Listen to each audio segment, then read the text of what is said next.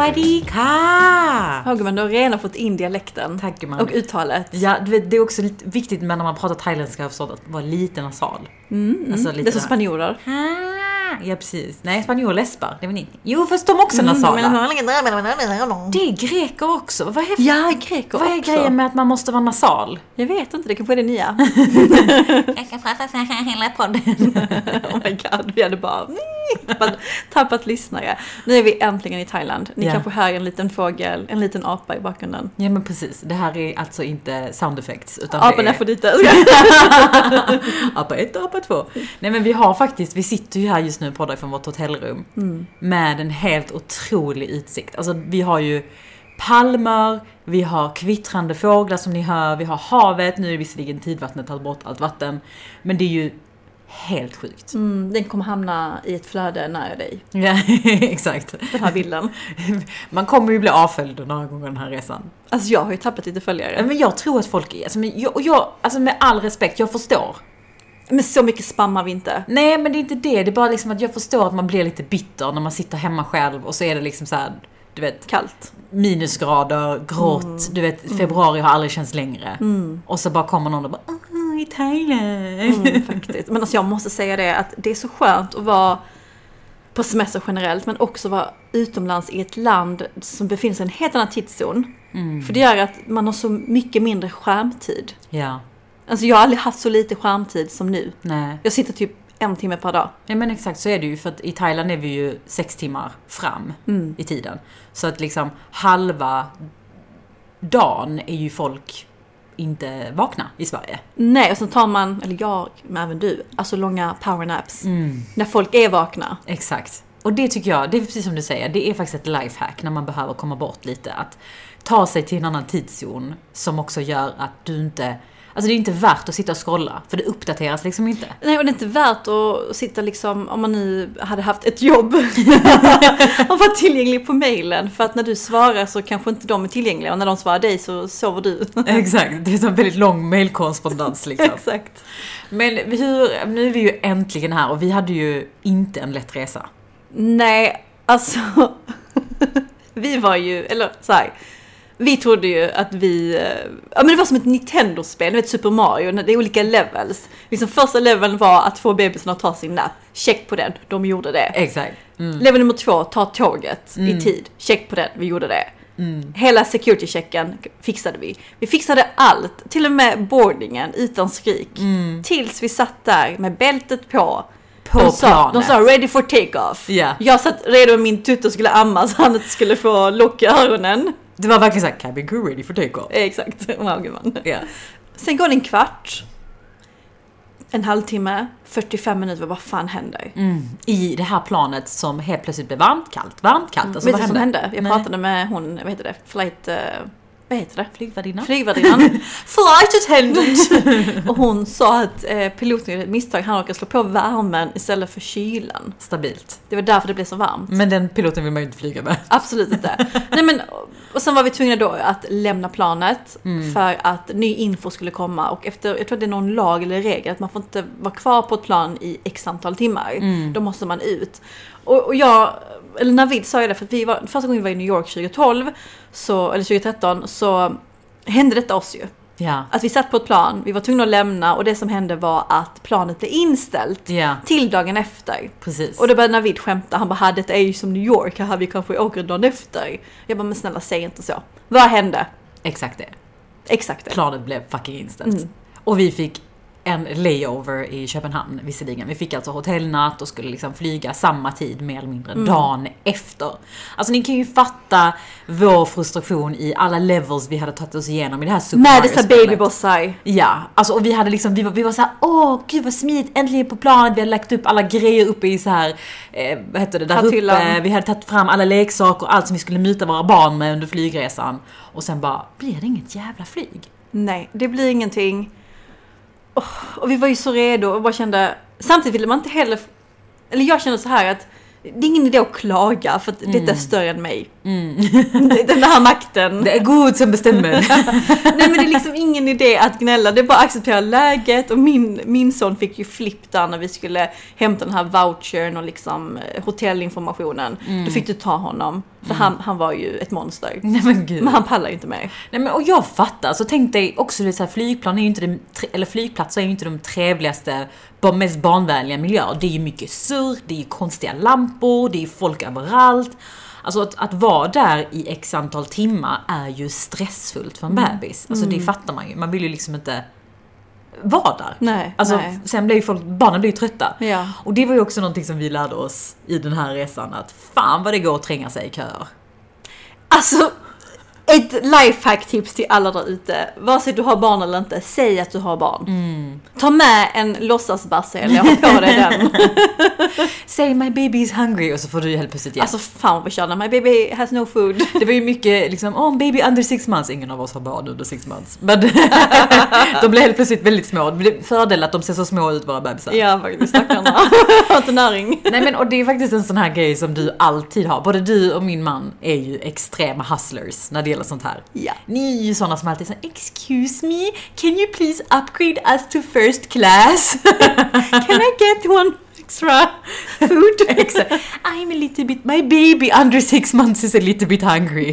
Liksom. Som ber om saker. Alltså vårt mantra är att det, det lönar sig att alltid fråga. Alltså jag och din man har säkert fått så mycket extra i livet Ja. för att vi har frågat. Faktiskt. Allt från extra mat till en upgrade Ja. till möjligheter i jobbet. Ja, det är sant. Och, ja, och det- det är ju specifikt den här personlighetstypen som både du och min man har. Alltså som är den här liksom, ja men vad fan, skitsamma. Alltså köra och sen så ifall det failar så failar det. Alltså det, är inte så, det är inte så big deal. Nej. Att medan jag och din man är ju lite mer de här, åh, lite, åh nej, åh, det gör lite ont i magen varje gång min man ska tränga sig fram i kön och säga, ursäkta mig, min fru har ont i ryggen, kan vi komma före till exempel? Du vet, jag, alltså jag tycker det är så jobbigt. Men jag har ju också levt med honom i typ snart 15 år, så att jag har ju Alltså jag har ju verkligen lärt mig att gå ifrån. Typ, vi har också en sån här grej när vi är utomlands och vi ska pruta på typ marknader. Att jag typ säger till honom vad jag vill ha. Jag bara den här väskan, sen går jag därifrån. och låter honom sköta snacket. Du vet så det enda hans mission är att bara köpa den väskan. Förstår Och få ner priset. Vad han gör, hur han gör, vilka trick han kör. Jag vill inte ens se det. För du skäms. Jag skäms i Men sen själen. gottade dig med väskan. Sen har jag gärna på mig den väskan gumman. riktig gratisätare. Och jag tackar honom för det, men jag vill inte se hur det gick till liksom.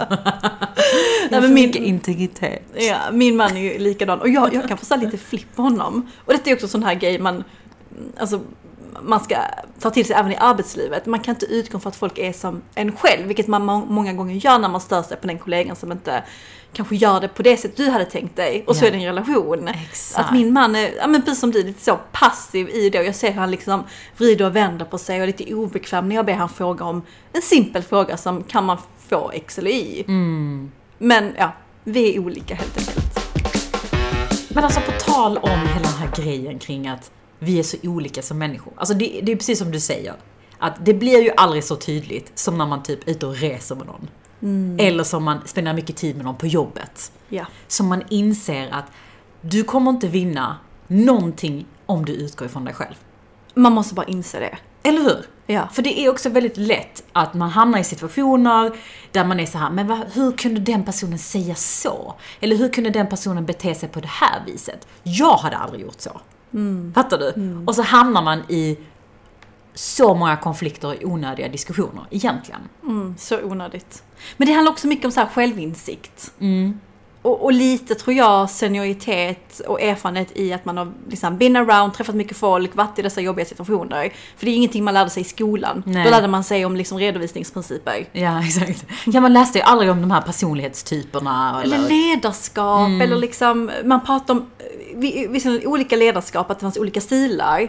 Och det funkar i teorin. Men i praktiken så tror jag i alla fall att man måste ändå anpassa lite. Har du en röd person eller har du en gul person? Du kan inte vara likadan mot Nej. alla olika personlighetstyper. Nej men jag minns också att första gången jag, eh, alltså på mitt jobb på Cloetta, då fick vi en sån här, vi hade en sån här jättestor, liksom alla i hela bolaget gjorde såna här personlighetstester, vi fick värsta analysen, vi hade en expert som gick igenom det.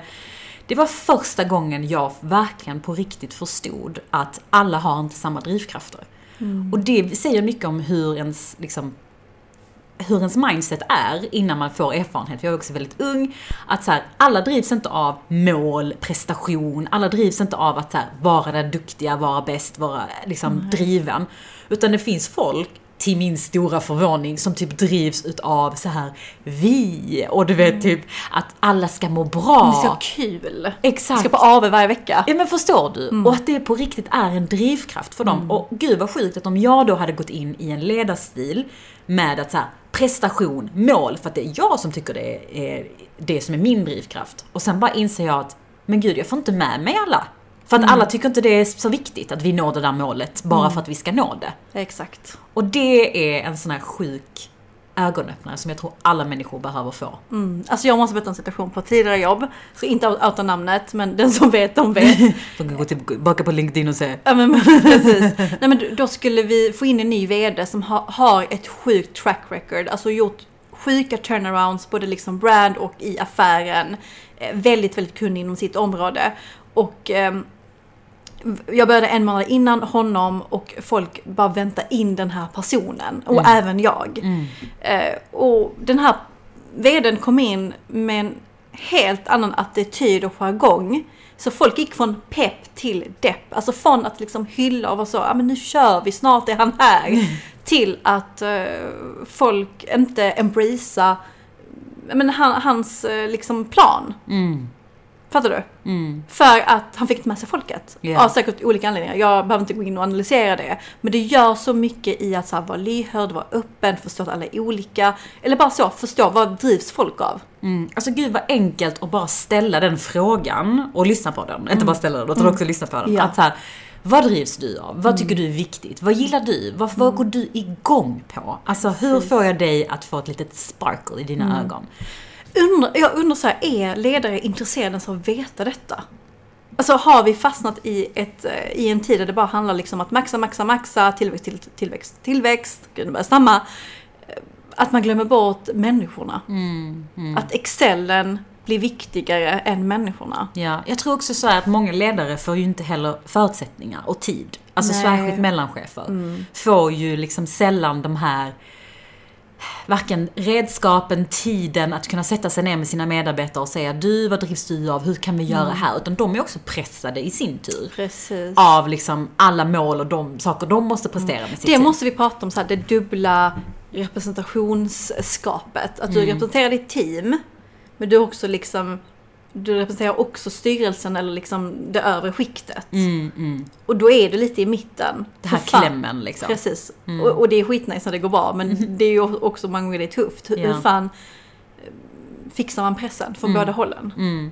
För det är ju också så här, det finns ju också mycket i att, eh, alltså som individ så det har hänt många gånger när jag varit i en grupp där jag har upplevt att mång, vissa individer kan vara så här, men ja, ja, ja, ja, ja, ja. Ja. Alltså, du vet så här, åh, men jag tycker, men jag tycker. Jag känner, Jag känner, och väldigt ofta, ska jag säga till dig, så handlar det mer om att den här personen vill bara bli bekräftad. ja. Alltså det räcker med att säga, jag förstår, eller jag hör dig, eller säga, gud vad du jobbar mycket.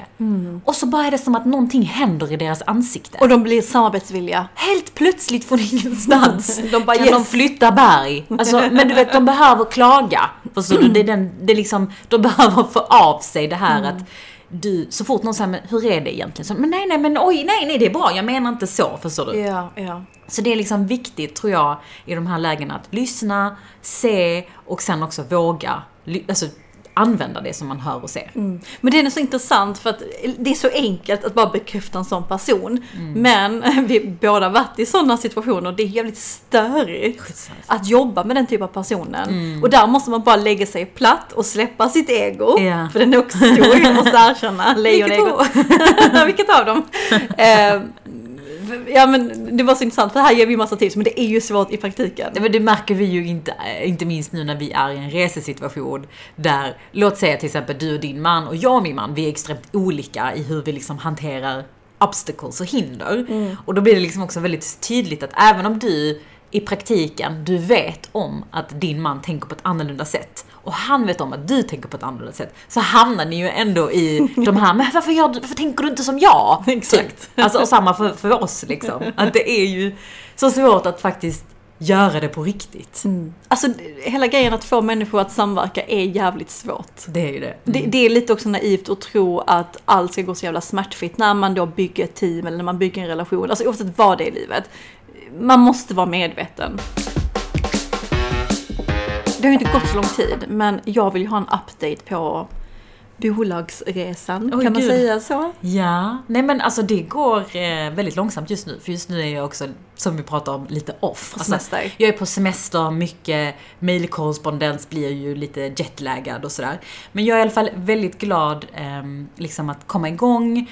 Och jag har ju också teamat upp mig med en, en tjej som heter Anusha. Mm, Eh, shoutout. shoutout. Som är superduktig. Eh, och det är väldigt kul för vi är liksom barndomsvänner. Och har Alltså liksom, det är så sjukt. det är jättesjukt. Vi har typ inte träffats på, jag vet inte hur många år. Eh, och liksom kanske sett varandra lite på distans via sociala medier. Men vi har ju absolut inte så här umgås eller pratat eller haft koll på varandra. Nej men ni båda också flyttat ifrån Helsingborg. Ja, exakt. Och hon flyttade när jag var mycket, mycket, alltså mycket yngre än vad jag var. Så jag har liksom inte haft koll på vad hon har gjort och sådär. Okej. Så, och sen så bara möts man igen av olika anledningar i livet och bara, fan, det här, det här ska vi göra. Så jag är jättepepp eh, på det. Och det känns också spännande, alltså delvis så här, det är klart att vi känner varandra, men vi känner varandra inte så himla bra. Och det blir liksom en sån här, hmm, hur ska detta gå? Och jag försöker verkligen att i det här resan kring att göra det här så vill jag verkligen utmana mig själv i att inte vara så himla analytisk. För jag kan oftast fastna. Okej. Alltså jag är en sån person som jag tänker och tänker och tänker, hur är det här, det där, det där, och så kommer jag liksom inte vidare för att jag bara tänker och tänker och tänker. Det blir som en för stor grej att bara ta mig över. Så jag försöker vara lite mer så här. testa, men skitsamma, testa, skitsamma. Mm, fail fast.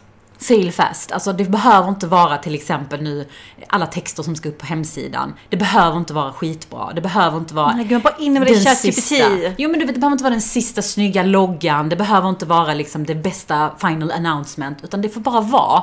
Och så får man liksom göra lite allt eftersom. Eh, och det är jobbigt. För jag tycker det är, du vet, jag kan sitta så och bara pilla på saker hur länge som helst. Och nästan tycka det är så jobbigt att trycka på live. Men jag måste verkligen utmana mig själv i det. Ja. Eh, och det känns också som att jag har teamat upp med en person som inte är som jag i det. Och det tycker jag känns väldigt bra. Gud vad bra. Det tror jag är väldigt... För då kan hon liksom dra dig i de stunderna när du bara fastnar på den knappen. Exakt. Så trycker hon på den. Precis, kör, kör, kör. Nej men och, och sen, så det är väldigt spännande. Och sen har vi också fått in vår första kund, Wow! vilket är väldigt kul. Eh, en app som heter Mammaträning. Shoutout. Bästa appen. Ja, jättebra. Vi har ju använt den liksom och för att komma igång med träning och så vidare. Så det känns skitkul att börja med det och få testa lite, men hur, hur är det att jobba med kreatörer gentemot kund? Hur lång tid tar allt? Alltså man kan ju alltid göra liksom en analys av vad kommer saker kosta versus tid. Nu får man ju verkligen det praktiska att tänka och testa. Så jag har ett litet pirr i min mage samtidigt som jag också har extremt så här ångestduschar emellanåt, känner att fan, vad jag gör, alltså så här, kommer det bli något bra av det här? Det är klart det kommer. kommer det om en månad så har det bara "Buh." Alltså, du vet, det är ju läskigt på många sätt och vis. Ja, men det är mycket liksom, alltså många wins här. Ni har startat upp bolaget, ni har landat kunden, ni har hittat varandra. Det är bara att köra på, bara tryck på den knappen. Och sen måste ni ju ut med detta så att folk vet om det. Ja, jag vet, och där måste du hjälpa oss. Ja men absolut, det, det ska skrivas releaser. Announcement är ju din favoritgrej. Precis. Nej men så att jag känner att det är spännande samtidigt som jag tycker det är lite läskigt. Men, eh, nej men så det är lite update från mig. Ja. Vad händer hos dig? Hur går dina tankar? Du skulle ju ha en sån här riktig funderare på vad du känner att du vill göra. Mm, precis. Nej men jag, vi fick ju faktiskt ett DM av en lyssnare som bara ville lyfta en poäng så här. Är det inte lite så här mm, hetsigt eller prestationshetsigt att fundera ut vad man vill när man är på semester? Varför kan man inte bara vara på semester? Ja. Och det vill jag bara lyfta lite att Alltså all för att man ska ta det lugnt och man ska vila när man är ledig. Men sen befinner jag också mig i en situation där jag verkligen kan så här, styra min framtid. Alltså fundera verkligen så här, vad vill jag? Det är inte alltid man kan det som kanske när man är anställd och driver bolag. Att man kan ta liksom ett steg tillbaka och bara, okej vad vill jag? För att man är så fast i rutinerna och behöver liksom jobba. Ehm, så att i mitt fall så är det absolut ingen press i att komma på vad jag vill. Utan det är mer liksom en del av, av livet. Mm. Så jag vill bara skicka med den till de som kanske kände att okej det här triggade lite att, jag, att man inte kan chilla på semestern. Mm. Det är inte riktigt så för min del. Nej. Du är ju också liksom i en fas att liksom, du stänger ett kapitel Mm. och är mammaledig och, och ska in i ett annat. Så att det är ju naturligt för dig att börja fundera. Mm. Och när man, har, när man är på semester, alltså jag har ju sagt det tidigare i podden, det är ju då jag har fått mina bästa idéer, eller Mm. mina bästa så här, magkänsla kring vad jag vill göra. För att du får möjlighet att sova, du får möjlighet att känna dig utvilad, du ser andra miljöer, du inspireras, du får någon idé när du är ute och går. Man är liksom inte heller uppkopplad på den här tidszonen. Jag är inte liksom i det gamla. Mm. Som när man, är, när man är hemma, för det är man så tillgänglig. Och ska man ta fika med den, och ska man ta en lunch där, och så ska man dit på det eventet. Exakt. Nu är jag liksom bara här med min familj och med er, det är liksom så skönt.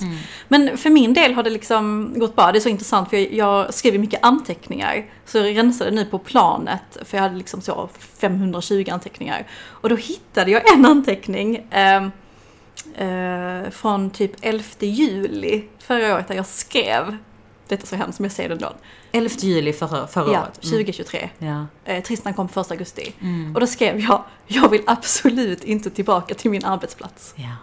Du kände det redan då? Jag kände det då. Ja.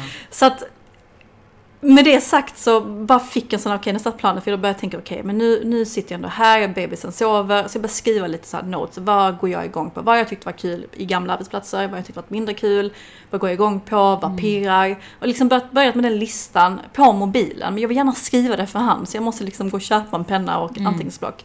Men jag har varit på lite jobbmöten, intervjuer, och eh, vissa har känts skitbra, jag kommer komma tillbaka till dem. Vissa har faktiskt känts inte alls bra. Eh, jättetrevliga personer, men jag har liksom gått ifrån, ja men typ ett möte med så lite ont i magen. Mhm. Eh, Varför då? Ja men lite så här var tvungen att försvara mig-känsla. Mm. Jag hatar när man hamnar i det.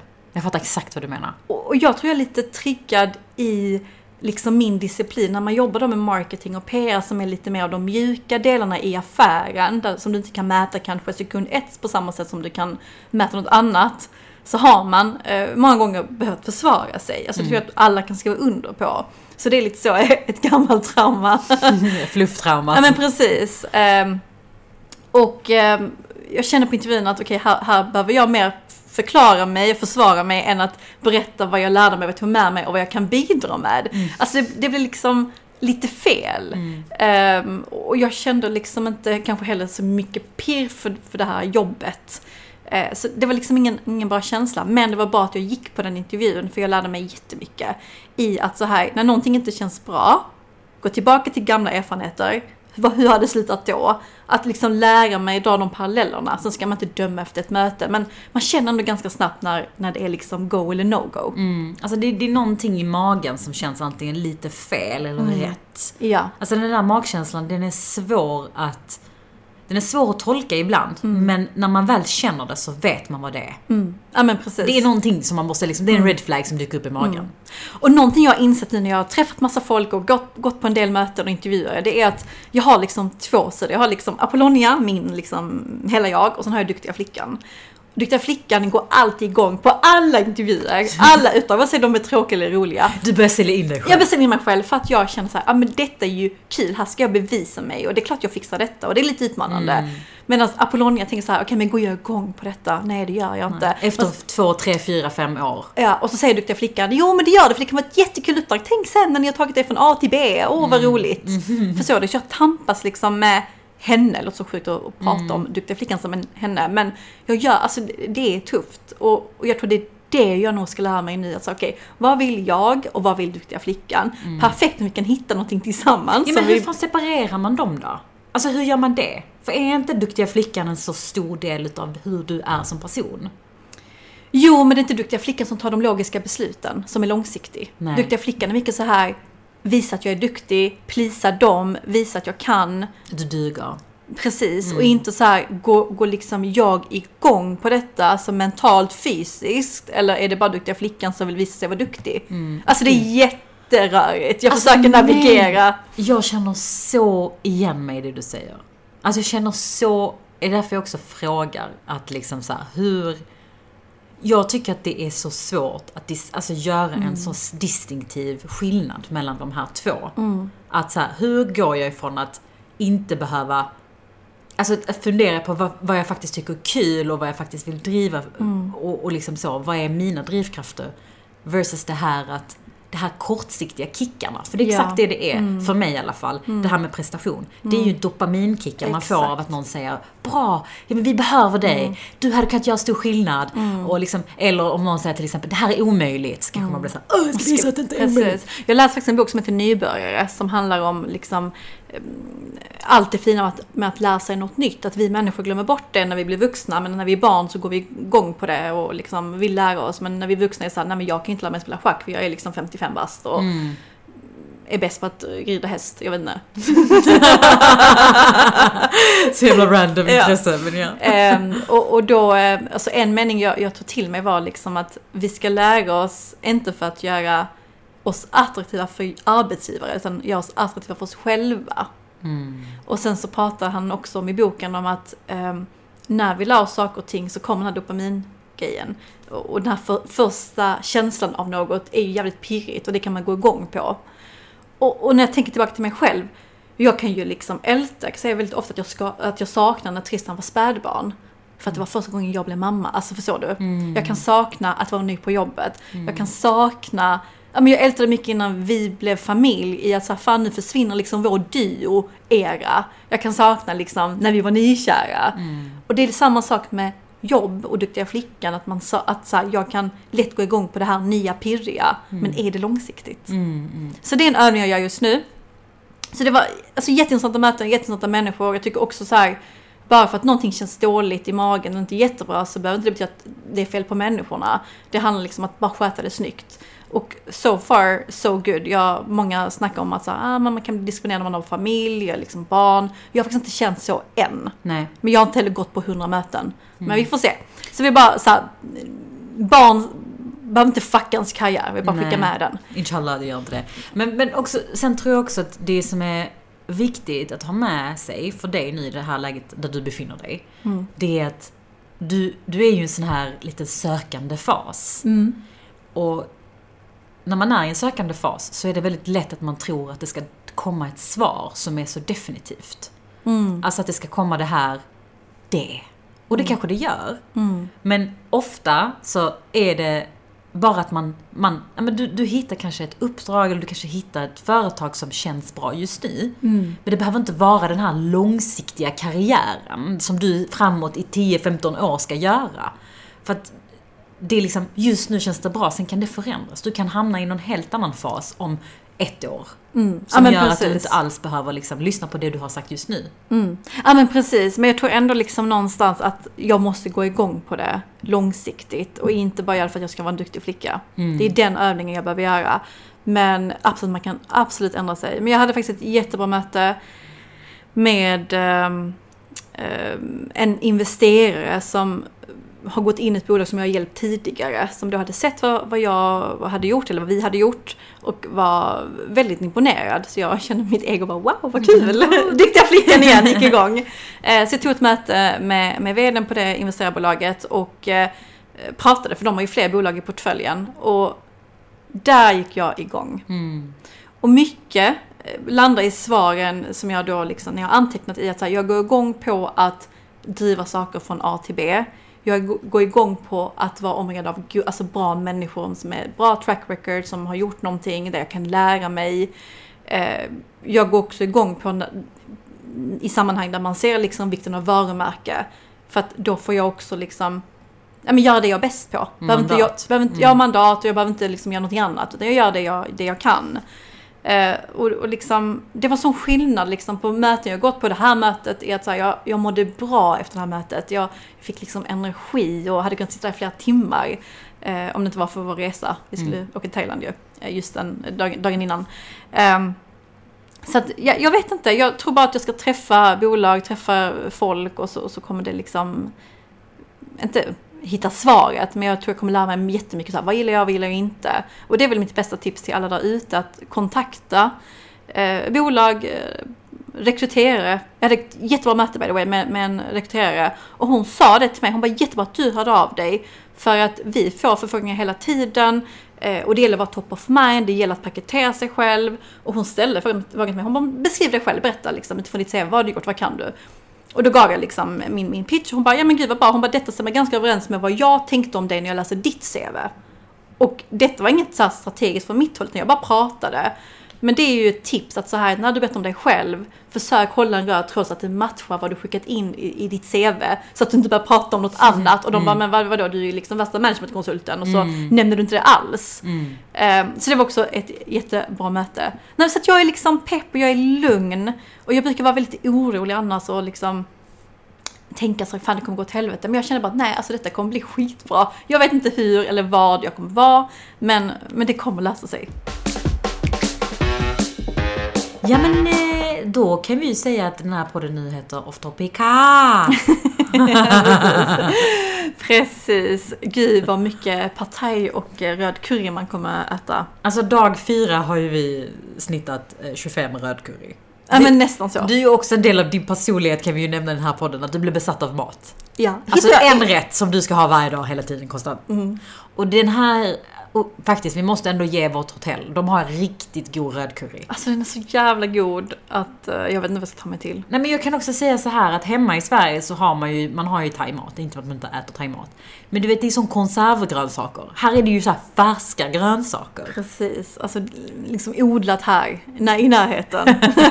Nej men alltså det är verkligen så skönt att vara här. Jag är faktiskt glad att vi, att vi är här. För det var ju mycket fram och tillbaka, om och men och liksom all, allt det här med vaccin och man ska vara på liksom den säkra sidan och, och vi blir lite så här shameade på BVC Ja av en läkare. Bara, Nej men ni kan inte ge det här NPR-vaccinet eh, i den åldern och vi bara ja men då blir det ingen resa. Och sen pratade vi med en annan läkare och började läsa på själva. Och visst kunde man göra det vid sex månaders ålder. Jag bara tänkte, hade man inte åkt för att man var rädd? Alltså fan vad mycket ens, man kan spela på föräldrars rädsla. Mm. Och få dem att inte göra saker. Mm. För att nu när vi är här så inser vi ju att så här, det finns ju barn i Thailand också. Alltså det finns ju barn överallt. Ja men alltså det finns barn från alla länder, alla turister här. Det är från liksom massvis med länder Ja. och, och i samma ålder. Sen är det såklart bra att vara försiktig. Mm. Men, och det ska man vara. Men jag bara tänkte på det nu när jag liksom väntade in dig här. Jag bara, fy fan vad bra att vi åkte. Jag tror att jag, eller vår familj behöver den här egentiden. Att Mm. inte bara umgås efter arbetstid. Ja, och verkligen vara tillsammans. Mm. Nej, men det är verkligen en, en sak som jag är så tacksam över att kunna göra. Också att vi gör det tillsammans. Ja men alltså vi har snackat om detta så länge. Alltså fattar du Mm. att delvis ett, bara så ha barn, alltså i samma period, Mm. tidsram. Bara det har vi ju snackat om sen vi var typ 16. Alltså Mm. fattar du sjukt? Och sen så bara har vi, sen vi blev gravida har vi sagt, kan vi inte bara åka till Thailand? Mm. Eller Bara? typ så här, "Eh, bara! Nej men kan vi inte åka någonstans varmt med Mm. våra barn och bara så här när vi är föräldralediga och liksom bara ha det lä- Och nu är vi här. Alltså nu är vi här och vi bara skickar en shout till alla våra bästa vänner, ni som lyssnar på podden. Ni, jag vet att ni lyssnar på den. Alltså vi skulle vara här tillsammans, vi saknar er också. Det gör vi, 100%. 100%. Men vi kommer tillbaka i april och då ska vi gå massa härliga promenader.